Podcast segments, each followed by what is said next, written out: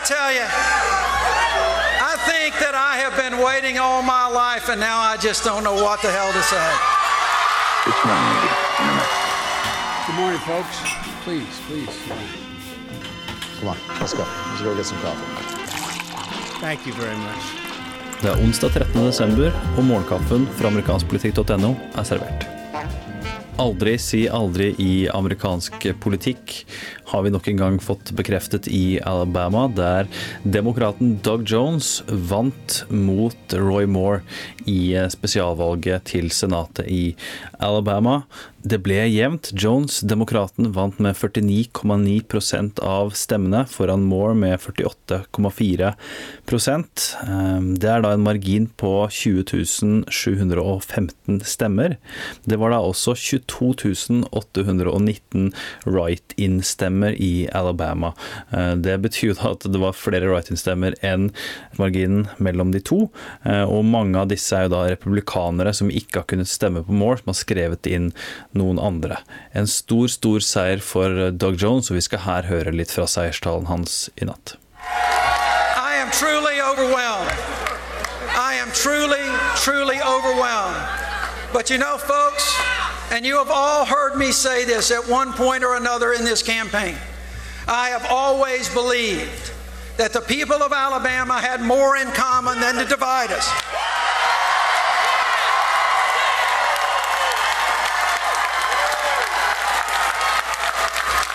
We have, we have shown not just around the state of Alabama, but we have shown the country the way that we can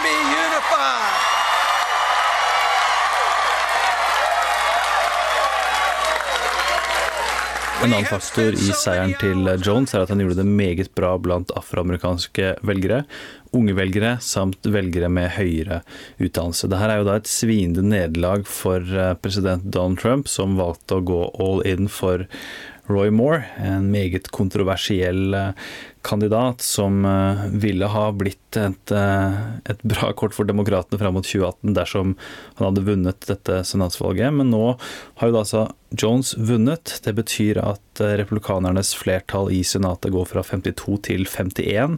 Det blir hakket vanskeligere for Trump og republikanerne å få gjennom sin eh, agenda, eh, og det gjør det da faktisk mulig, eh, selv om det fortsatt er vanskelig, for demokratene å skulle ta tilbake flertallet i Senatet etter neste års mellomvalg. Som jeg starta med å si, aldri si aldri i amerikansk politikk. Vi skal her høre litt fra hva Roy Moore hadde å si på sin valgvake i går. Thank you. You know, I, I really want to thank you for coming tonight and realize when the vote is this close that it's not over.